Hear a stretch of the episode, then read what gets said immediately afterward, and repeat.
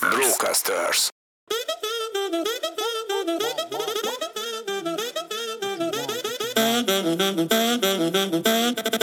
Hello, Mester Tomi vagyok, és ez itt a Mi a Matek Podcast, ahol vendégeimmel különböző befektetésekről beszélgetünk.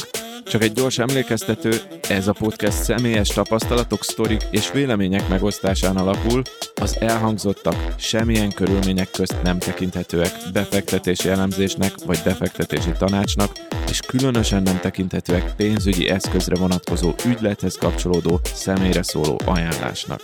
Kérlek, csak akkor hallgass minket, ha tudod, hogy a saját befektetési döntéseidért csak te vagy a felelős.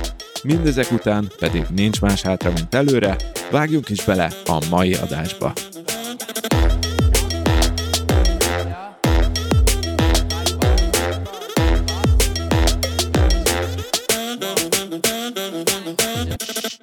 Nagy szeretettel köszöntök mindenkit egy újabb Mi a Matek podcast epizódban. A mai vendégem Dörner Csenge. Szia Csenge, üdvözöllek a stúdióban, és köszi, hogy elfogadtad a meghívást. Szia, Tomi, én köszönöm a meghívást.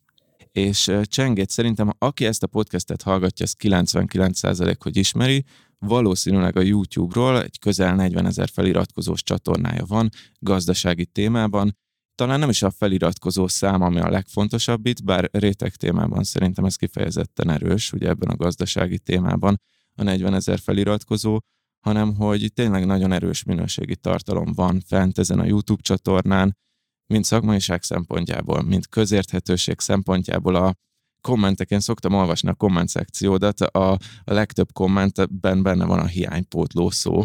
Hiánypótló, hiánypótló, hiánypótló. Tényleg nagyon örülök, hogy itt vagy. Csengével arról fogunk beszélgetni, arra a témára hívtam meg, hogy mi az a kötvény. Ez egy sokak által ismert fogalom, de szerintem nagyon felszínesen ismeri a többség, beleértve engem is, és Csenge egy kicsit segít nekünk elmélyülni ebben a témában. Mi az a kötvény, milyen típusú kötvények léteznek, milyen kockázat lehet egy kötvényben, ezeket mind át fogjuk beszélni. Viszont előtte szeretném Csengét megkérni, hogy egy kicsit magáról is beszéljen, mert hogy van ez a YouTube csatornája, és olyan keveset tudunk róla, hogy azt elárulod nekünk, hogy pontosan te hogy csöppentél a gazdasági témába, vagy miért pontos gazdasági téma, amire a YouTube csatornát indítottál? Hát igazából um, ez az egész nálam úgy indult, hogy azt tudtam, hogy szerettem volna valamilyen YouTube csatornát, és abban is biztos voltam, hogy valamilyen ismeretterjesztő tartalmat szeretnék. De hogy így ez még nem tudom, 18 éves koromban volt, és ez még az az életkor volt, ahol semmihez nem értettem. Szóval kicsit nehéz lett volna. Volt is egy ilyen kudarcba fulladt próbálkozásom, aztán egyetemre mentem, nem azért mentem a Corvinusra gazdaságot tanulni, mert annyira érdekelt, vagy mert annyira nagy szenvedélyem lett volna ez az egész, hanem igazából nem tudtam, hogy mit szeretnék csinálni. Gondoltam, hogy mm, matekban jó voltam a suliban, akkor ez biztos jó lesz, és akkor így kötöttem ki a Corvinuson, és aztán ott megszerettem.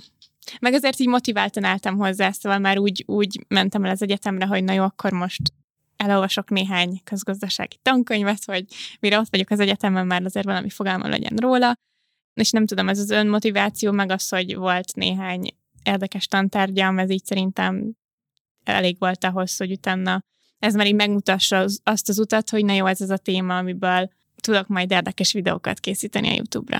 Én annyit találtam rólad, csináltam direkt, ezt mondtam itt felvétel előtt mm. is, mhm. ilyen előkutatást rólad, hogy hogyan tudnálak bemutatni, annyit találtam Igen. rólad, hogy Corvinusra jársz, és azt tippeltem, hogy valahogy úgy csinálod ezeket a videókat, hogy lement az adott fél év, és akkor ilyen összefoglaló jelleggel az adott tárgyat így feldolgozod úgy, hogy hát Corvinusra nem jártam, de a BME-nek a gazdasági szakára áthallgattam, hogy mondjam, azért azok a két-három kredites, fél évente 36-24 órás tárgyak azért elég szárazak tudnak lenni.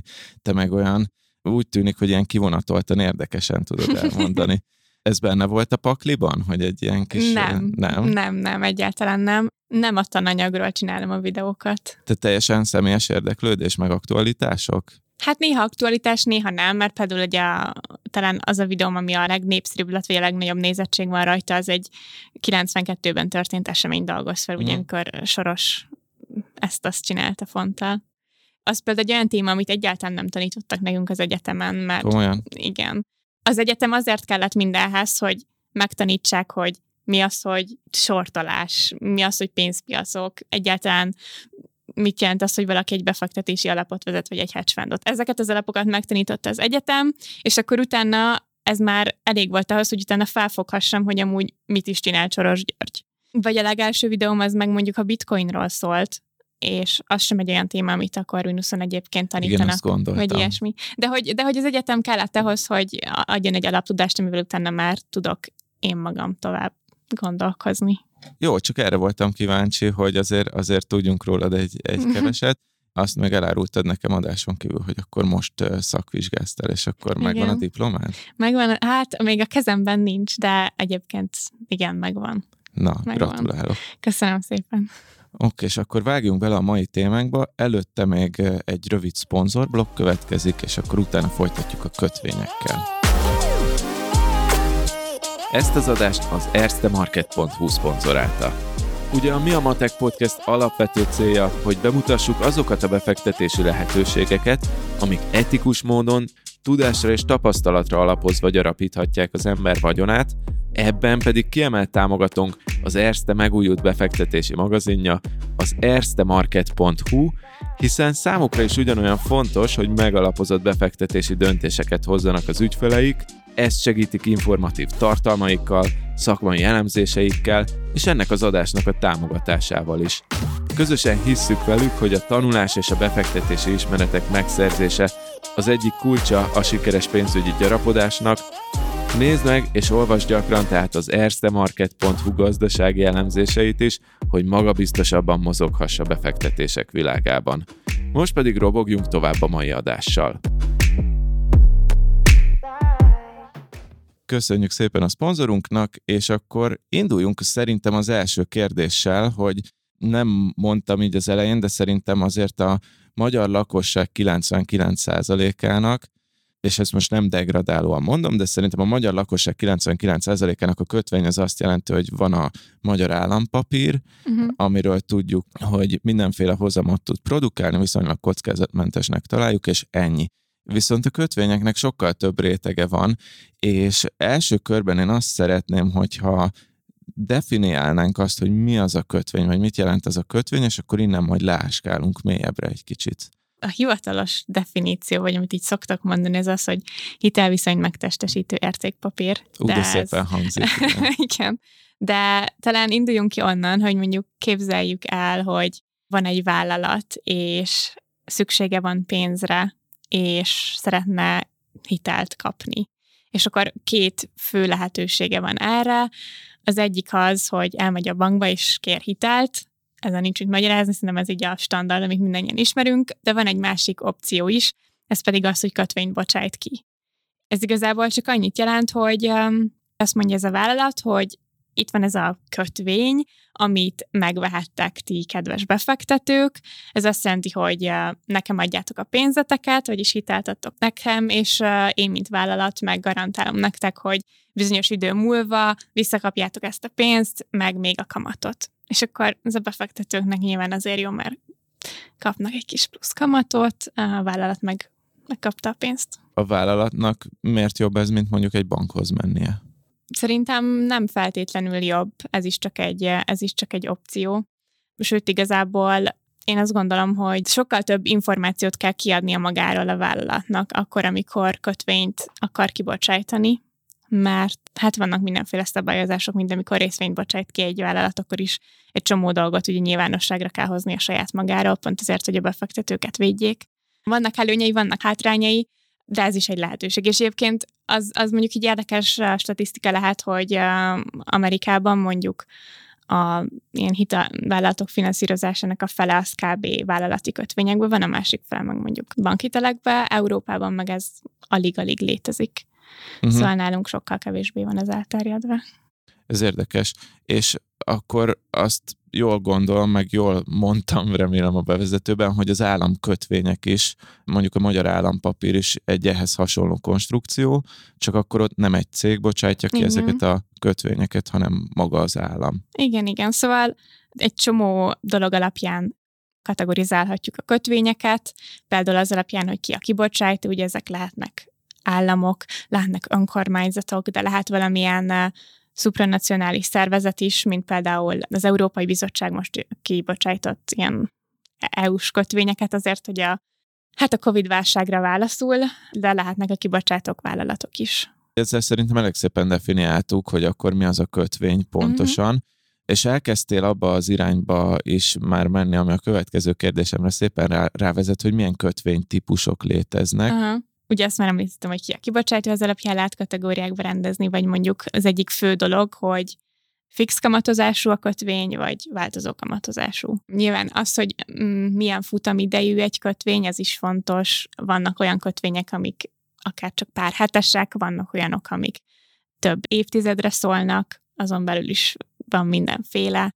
Vannak olyan kötvények, amik nem csak simán kötvények, hanem bele van építve még valami plusz opció, vannak visszahívható kötvények, vagy eh, visszaváltható kötvények, vagy átváltható kötvények, nem tudom, hogy szeretnéd, hogy ezeket így Ezeket minden, mindenképpen szerintem kezdjük azzal, hogy ezek a, az időtávok, úgy azt tippelném, hogy minél nagyobb időtávra uh-huh ad az ember kölcsön mhm. idézőjelben, tehát minél Igen. nagyobb időtávra távra vesz kötvényt, akkor annál nagyobb a hozam, vagy annál nagyobb a, a kamat, ami rá van írva arra a kötvényre. Ez úgy általában igaz? Általában igaz. Ugye erre mondjuk azt, hogy a hozamgörbe az normális. Tehát egy ugye a hozamgörbe az azt mutatja meg, hogy attól függően, hogy mi a futamideje egy kötvénynek, mi az éves kamata az fontos szerintem, hogy ez ugye mindig éves, tehát hogy éves kamatokról beszélünk, mert nekem például az uh, egész sokáig tartott, még így igazán leesett, hogy nem az van, tehát mondjuk egy látsz egy hozam görbét, ami emelkedik, és akkor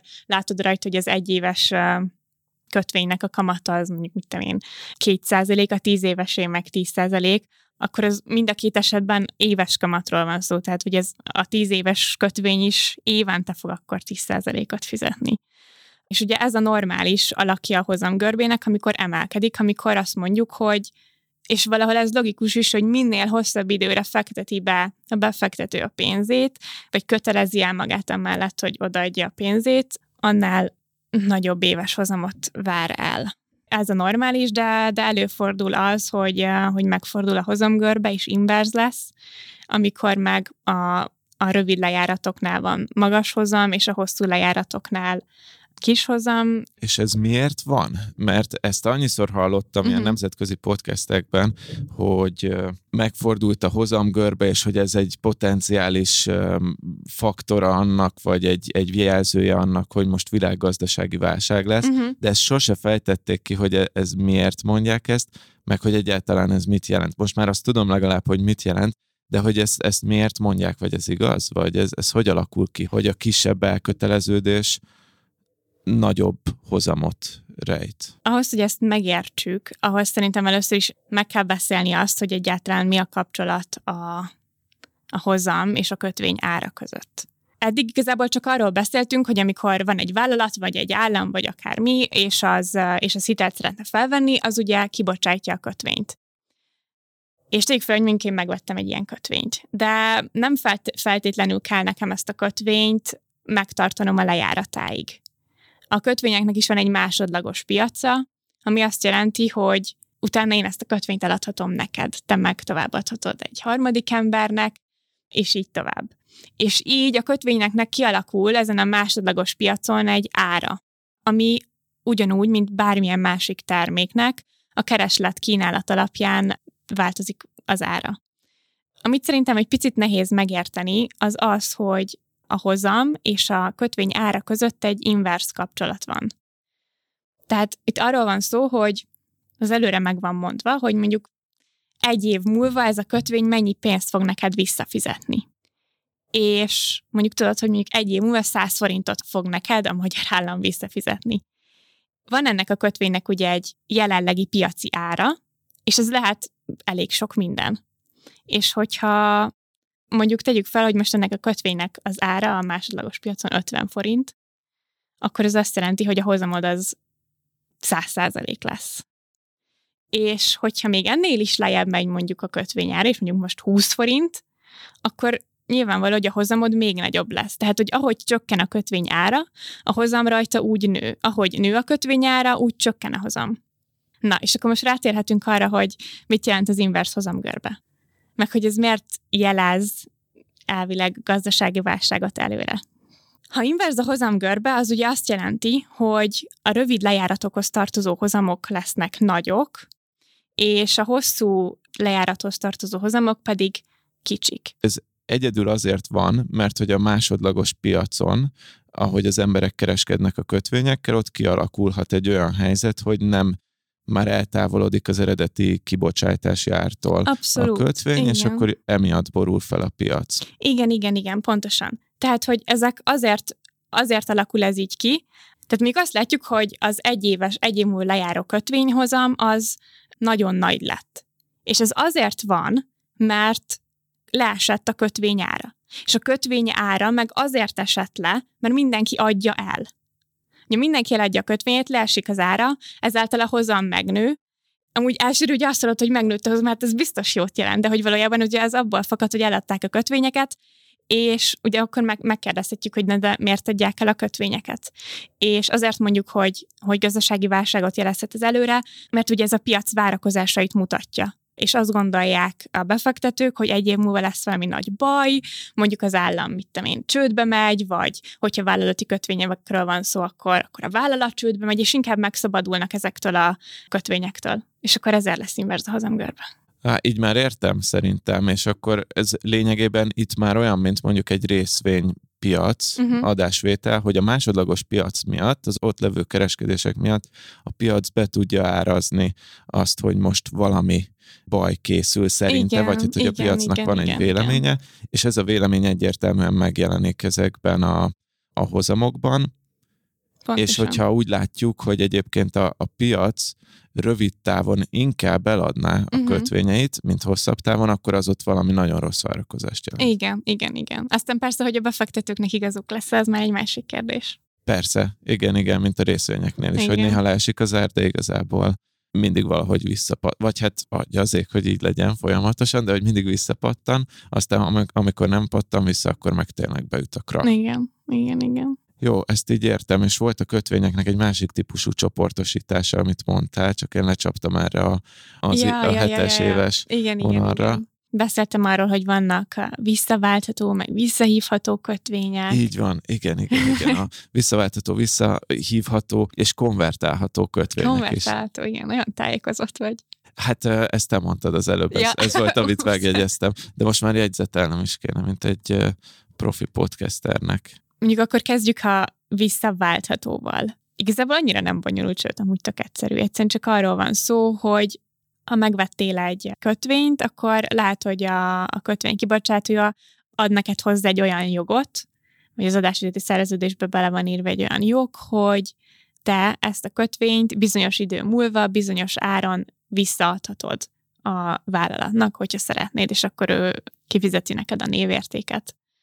Ugye ez egyáltalán nem természetes, tehát hogy egy vállalatnak egyébként, vagy, vagy államnak, vagy akárkinek nem kötelessége visszavennie idő előtt a, a hitelét, tehát van egy, van egy lejárat, majd akkor kifizeti. A másik pedig a, a visszahívható, ami meg visszahívható kötvény, ami meg a, a vállalatnak ad egy jogot, hogy bizonyos idő múlva, bizonyos áron visszavásárolja tőled, mint befektetőtől a, ezt az értékpapírt, és neked meg nincs ebbe beleszólásod. Visszahívható, amikor a vállalat, akinek kölcsön adtunk, ő hívhatja vissza, a visszaváltható, amikor meg én, a hitelező, aki a kötvényt megvettem, mondhatom azt, hogy akkor kérem szépen vissza a pénzemet. Igen, igen, Ez- igen. Ezek jogok. Amúgy iszonyatosan nehéz így az embernek ezt felfognia, hogy mi történik itt pont, amit a felvételen kívül beszéltünk, hogy amit mondtál is, hogy, hogy fordítva van itt, hogy ki a hitelező, meg ki nem, de megpróbálkozom vele, meg Igen. kedves hallgatók is próbálkozzanak, és akkor meg bonyolítsuk egyel, hogy Jó. meg van a konvertálható, ugye? Igen, igen, konvertálható vagy átváltható kötvény. Abban meg egy olyan jog van beleépítve, hogy átválthatod a kötvényt bizonyos mennyiségű részvényre. Na és az miért jó? Amúgy ezt már az elő, előzőleg is megkérdezted, hogy ugye miért jó, és hát azért jó, hogyha, tehát mondjuk ha egy olyan részvényről van szó, ami a vásárló vagy a befektető számára tartalmaz jogokat, ugye lehetőségeket, akkor ezt a kötvényt alacsonyabb kamattal lehet kibocsájtani. azért jó egy vállalatnak mondjuk visszaváltható kötvényt kibocsájtania, mert, mert akkor elég alacsonyabb hozamot kínálnia. Igen, Csábítóbb igen, az igen. embereknek alacsonyabb hozam mellett, mert rugalmasabb. Igen, igen, igen. A visszahívható akkor meg valószínűleg azt magasabb igen, kamat pontosan, mellett lehet csak pontosan, kibocsájtani. Pontosan. Viszont az a, az a cégnek akkor van egy olyan előnye, hogy előtörlesztheti. Ezt nem tudom kihagyni, ezt a hasonlatot. De amúgy ez jó hasonlat, igen, igen, igen. Igen, igen. mint hogyha egy lakást hitelt előtörlesztene a cég. Igen, amit, igen. És akkor a, a konvertálható meg ugyanúgy azért jó, mert ad egy bizonyos jogot, hogy te részvényes legyél uh-huh. az adott cégben, és akkor feltételezem, hogy, hogy egy kötvényvásárlónak egyébként jobb érzés részvényesnek lenni, vagy jobb lehetőségekkel jár akkor talán részesülhet az osztalékból, vagy miért jó részvényes, miért jobb részvényesnek lenni, mint kötvényesnek?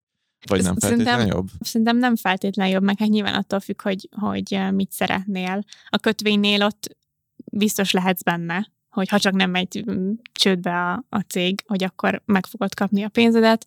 A részvénynél meg a részvényárban benne van egy elég nagy kockázat, egyáltalán nem biztos, hogy osztalékot fogsz kapni. Szerintem ez egy olyan dolog, ami hát részben így egyéni preferencia kérdése is. De minden esetre, mivel ez is egy beépített jog, ezért alacsonyabb hozammal kibocsátható a kötvény, szóval a vállalatnak az meg ezért jó.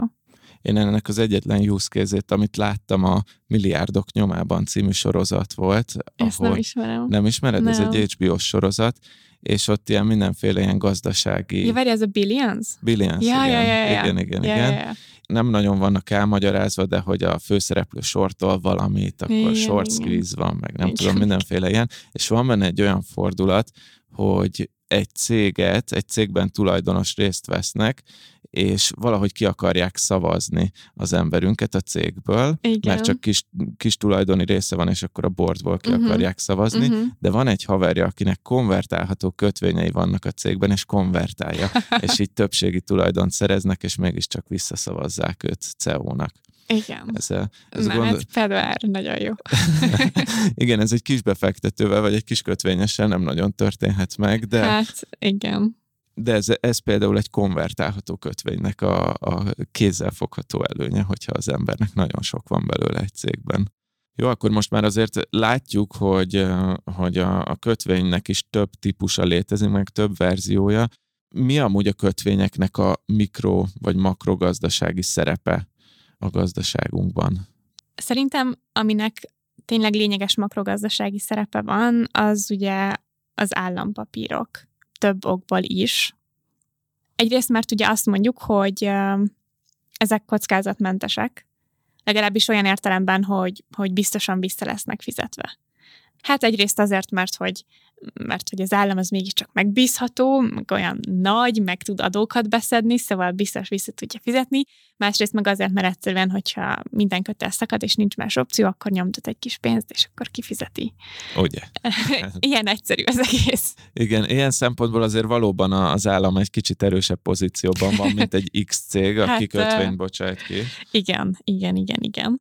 Szóval ezért mondjuk, hogy kockázatmentes, és akkor a pénzügyekben nagyon sok egyéb értékpapírt, derivatívát az alapján árazunk be, hogy vagy legalábbis, hogy a kockázatmentes hozamot veszünk, veszünk valamilyen adott dolognak, és akkor ahhoz hasonlítva az alapján árazzuk be ezeket az egyéb hitelkockázattal rendelkező termékeket. Ilyen szempontból például fontos, meg hát egyszerűen csak az egész államadóság kérdéskör az ugye lényegében egyenlő az állampapírokkal, amikor én még nem tudom, kisebb voltam, mondjuk így általános iskolás, vagy lehet, hogy talán már gimis, és hallottam ilyesmiket, hogy az USA államadósága, Magyarország államadósága, Japán államadósága mekkora, akkor azt nem értettem, hogyha mindegyik állam el van adósodva, akkor honnan jön a pénz? Mert én ezt úgy, úgy képzeltem el valahogy magamban, hogy mint hogyha emberekről lenne szó. Tehát, hogyha a családomon belül mondjuk én is el vagyok adósodva, meg az összes tesóm, meg a szüleim is, akkor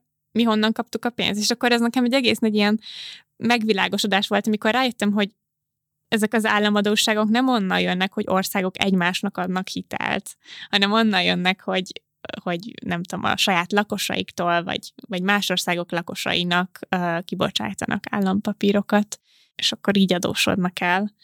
Szóval ezek a kockázatmentes hozamok meg azért nagyon fontosak, mert az, az egy eléggé fontos és sarkalatos dolog úgy összességében a nemzetgazdaságban, hogy, hogy mekkorák ezek a hozamok, hogy milyen, milyen hozamon lehet újra finanszírozni az államadóságot. Igen, ez az államadóság fontos témakör, meg, meg izgalmas témakör, mert hogy tényleg azt látjuk, hogy egyre jobban adósodnak el az államok. Tehát eh, amikor már ezt, amit mondtál is, hogy, és, és olvashatunk a hírekben, hogyha jól tudom, de javíts ki, ha rosszul mondom, hogy Amerikában is már 100% fölött van az államadóság, ez olyan felfoghatatlan, hogy egy államnak a tartozása az magasabb tud lenni, mint 100%, ha ezt személyesen élném meg, akkor én azt úgy élném meg, hogy csődbe mentem. Igen. Bár igazából, ha még mindig van, aki ad nekem kölcsönpénzt, ennek ellenére is tudok venni magamnak tejet, kenyeret a boltban, akkor lényegében nem mentem csődbe. Hát nem, nem De valahogy én ezt így képzelem itt az államok részéről is. Ugyanakkor meg van, aki azt mondja, hogy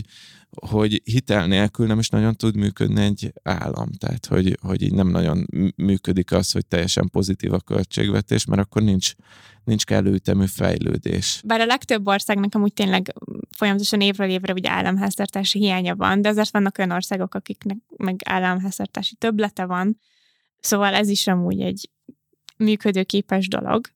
És ugye mondtad, hogy milyen érdekes, hogy egyre jobban eladósodik az összes ország, és ráadásul ugye nominális értelemben tényleg folyamatosan nő az adósság, tehát olyan értelemben, hogy tényleg forintban kifejezve, vagy dollárban kifejezve, vagy akármi, tényleg folyamatosan egyre nagyobb. Viszont a GDP arányos államadóság az meg ugye általában így felmegy, lemegy, vagy például Magyarországon is ezt ugye megfigyelhetjük, hogy mondjuk 2010-től kezdve egészen lement, aztán most eljött a Covid, akkor most megint elindult felfelé, ez annak ellenére történik így, hogy amúgy nominálisan folyamatosan emelkedik, csak hogy akkor mondjuk azt, hogy fenntartható az államadóság, hogyha a GDP az gyorsabban nő, mint az államadóság, és akkor, akkor igazából nincsen probléma. Mondjuk, mondjuk úgy is el lehet képzelni, hogy elképzelsz egy még gödröt, és akkor az az államadóság, mellette megvan egy magas hegy, az meg a GDP, és mondjuk egyre mélyebb és mélyebb az a gödör, de amíg mellette hegy annál gyorsabban nő, mint ahogy a gödör egyre mélyül, addig, addig minden oké. Okay. Igen, addig tud jönni egy traktor, aki vészhelyzetben betolja az egész hegyet a gödörbe, és hogyha ott lesz egy kis domb, akkor még mindig, még mindig élünk. Igen, bár nem tudom, hogy ez a traktor, ez minek lenne a hasonlata, mert hogy a GDP az igazából nem egy ilyen pénztömeg, ami valahol ott van, és így beletolhatod, hanem igazából az a traktor az max a pénznyomda lehet, csak... Hát igen, ott viszont már egy kicsit megbotlik ez a hasonlat. De amúgy szerintem ez azért rávilágít az ebben rejlő kockázatokra, de hát ezt úgysem mi fogjuk eldönteni itt ezeknél a székeknél. És akkor ennek pedig azért Magyarországon is az államadóságnak akkor egy jelentős része, ezt jól értem, hogy államkötvényekben, tehát a népnél van ennek a igen, igen, igen. Na, ehhez hoztam is néhány adatot. Ó, oh, szuper, na. Direkt ezt megnéztem, hogy a magyar államadóság az miből áll. Most a magyar államadóság kb. most ez kerekítve van nyilván, de olyan 40 ezer milliárd forint, és ebből 32 ezer milliárd van forintban, 8 ezer milliárd van devizában. Ugye ez az, amit ami a veszélyesebbik része, mert hogy ezt nem lehet a csak úgy, igen, ezt nem lehet csak úgy elinflálni. Nem tudunk devizát nyomtatni, úgyhogy, de ebből nincs is olyan sok, tehát és ezt, hogyha jól tudom, ez az elmúlt években, vagy évtizedekben, vagy nem tudom hány évben, de ez, ez azért fordult ez az arány, tehát egy időben nagyon devizában volt el adósodva Magyarország. Igen, igen. Tehát mondjuk 2010-ben volt a, így a maximumon, amikor az államadóság fele az devizában volt. Most ehhez képest ilyen 20 százalék, úgyhogy egész jó. Úgyhogy lehet inflálni. igen, igen. Biztonsággal, igen. barátságban. Igen.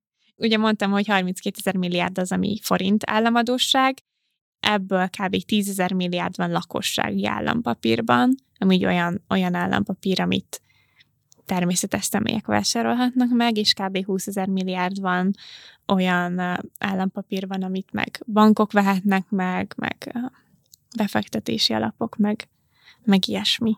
lényegében ez, ez mondhatjuk, hogy elég nagy a kitettség a magyar állampapír irányába Magyarországon az államadósággal. Hát igen, de hogy ezt szerintem, hát ez a jellemző, igen. És akkor nyilván ebből még, hogyha ezt így összeadjuk, akkor nem jön ki a 40 ezer milliárd, de hogy valami minimális maradékhoz még ilyen, nem tudom, mindenféle egyéb hitel. De hogy a nagyon nagy része az államkötvény, vagy állampapír. Ezt jó tudni, és ezt szerintem két szempontból jó tudni.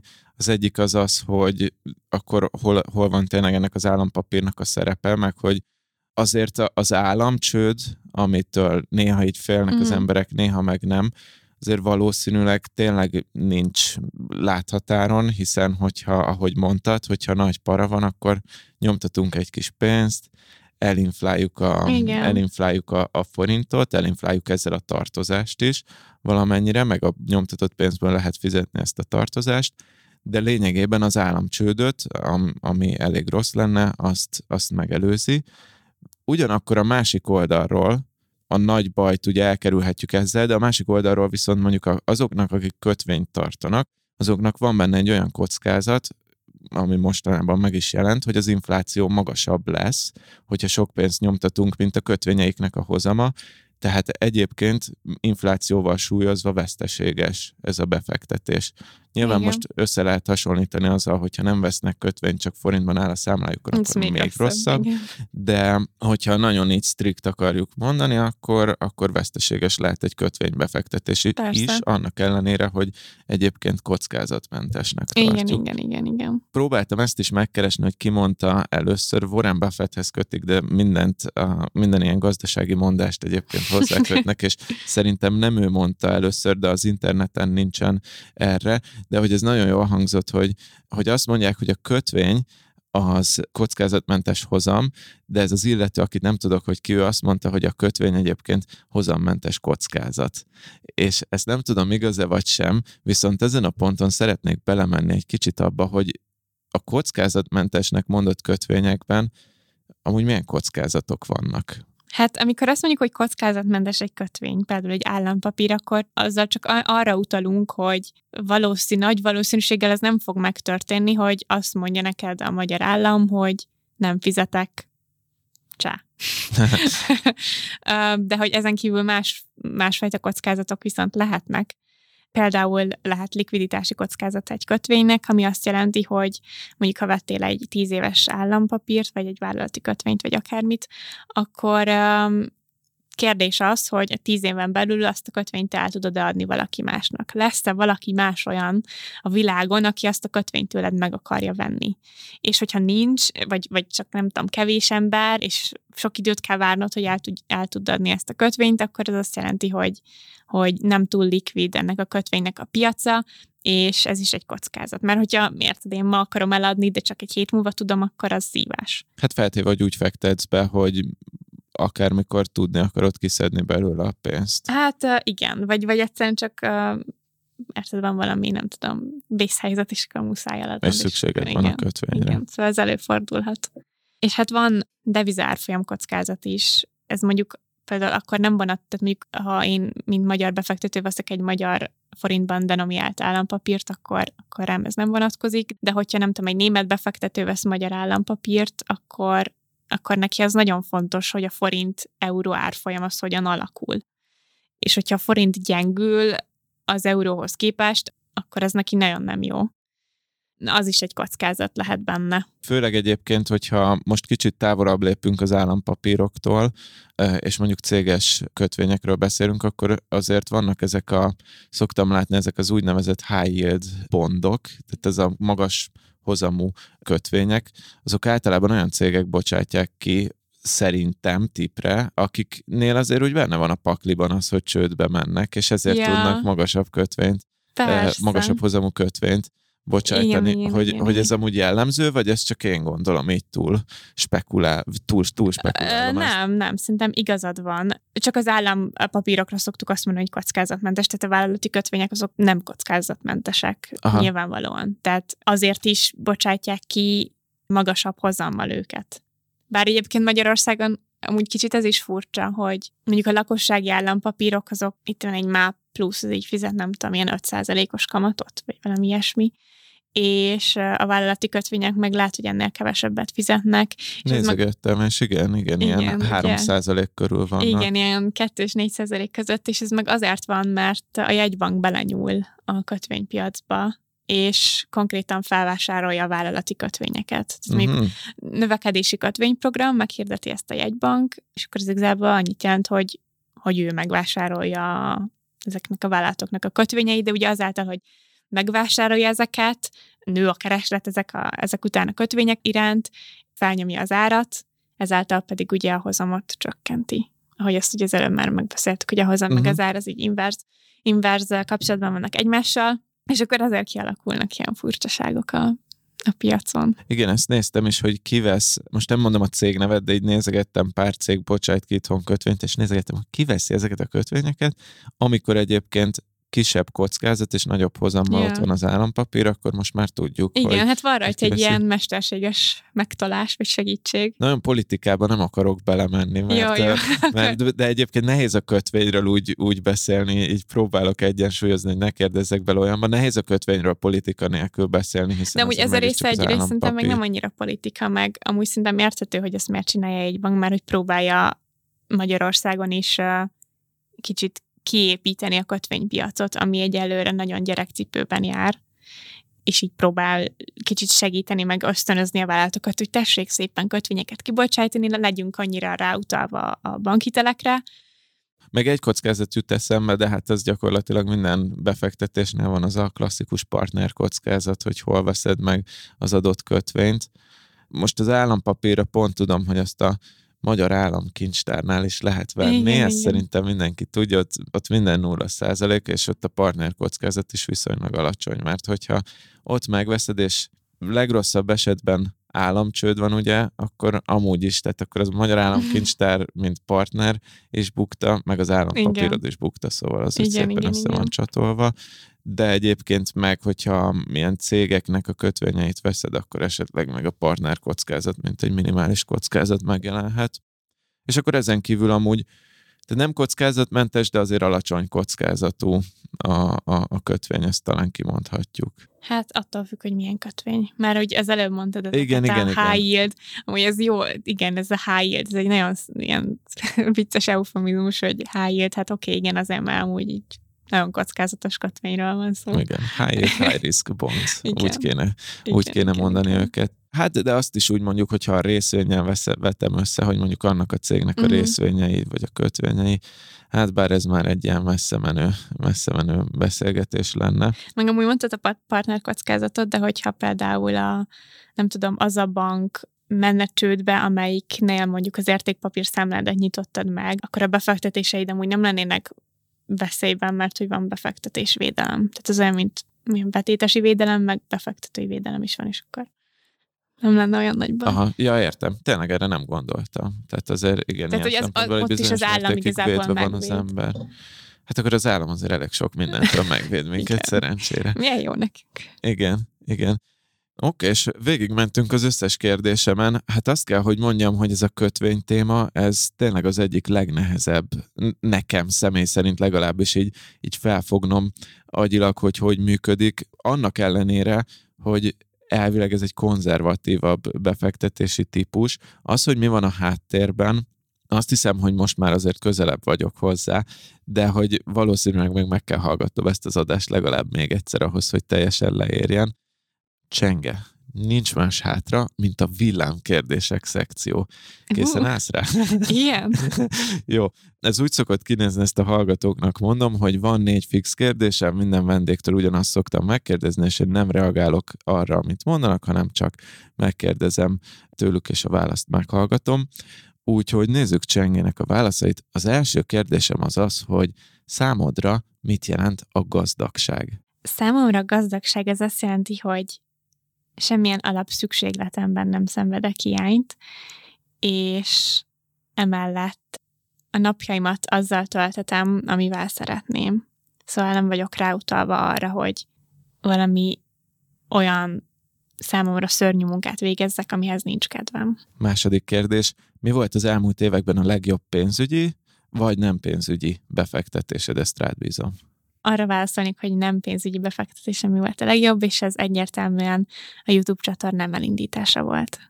Jó, és a negyedik kérdés, mi volt az a gondolat, vagy akár esemény, ami a legjobban megváltoztatta, vagy befolyásolta a pénzhez való viszonyodat? Szerintem nekem egyszer volt egy ilyen apró megvilágosodásom, ami semmiből jött. Szerintem ilyen 16 éves lehettem, és egy shopping túráról hazajöttem, nem tudom, két szatyor új ruhával, és nagyon boldog voltam. És aztán hirtelen rájöttem, hogy úristen, most elköltöttem a, az összes zseppénzemet, és oké, okay, van nálam most két zsákruha, de hogy ezek ki fognak nyúlni, el fognak szakadni, és hirtelen egy ilyen letargiába zuhantam, hogy úristen, ezt a pénzt soha többé nem kapom vissza. És akkor jöttem rá arra, hogy, hogy az, hogy mire költöd a pénzed, az nagyon nem mindegy, mert költötted olyan dologra, amit egy, tehát egyszer elköltöd a pénzed, és akkor azt utána soha többé nem látod viszont, lásd ruhák, vagy költheted olyanra is, ami, ami, ami befektetés.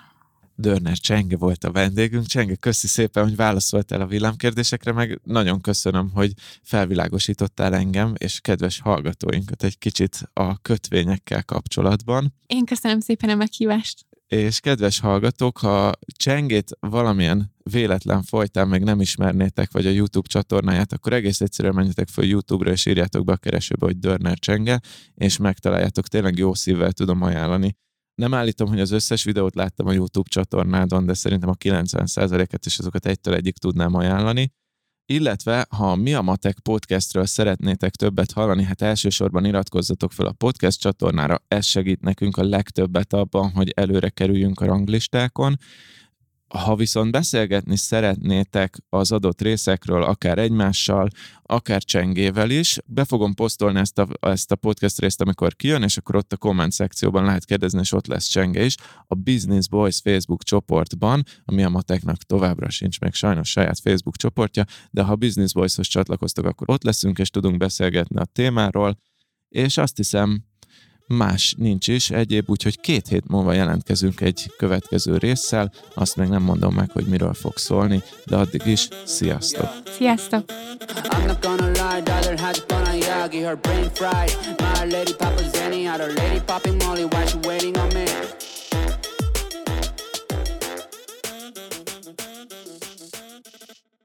Brocasters.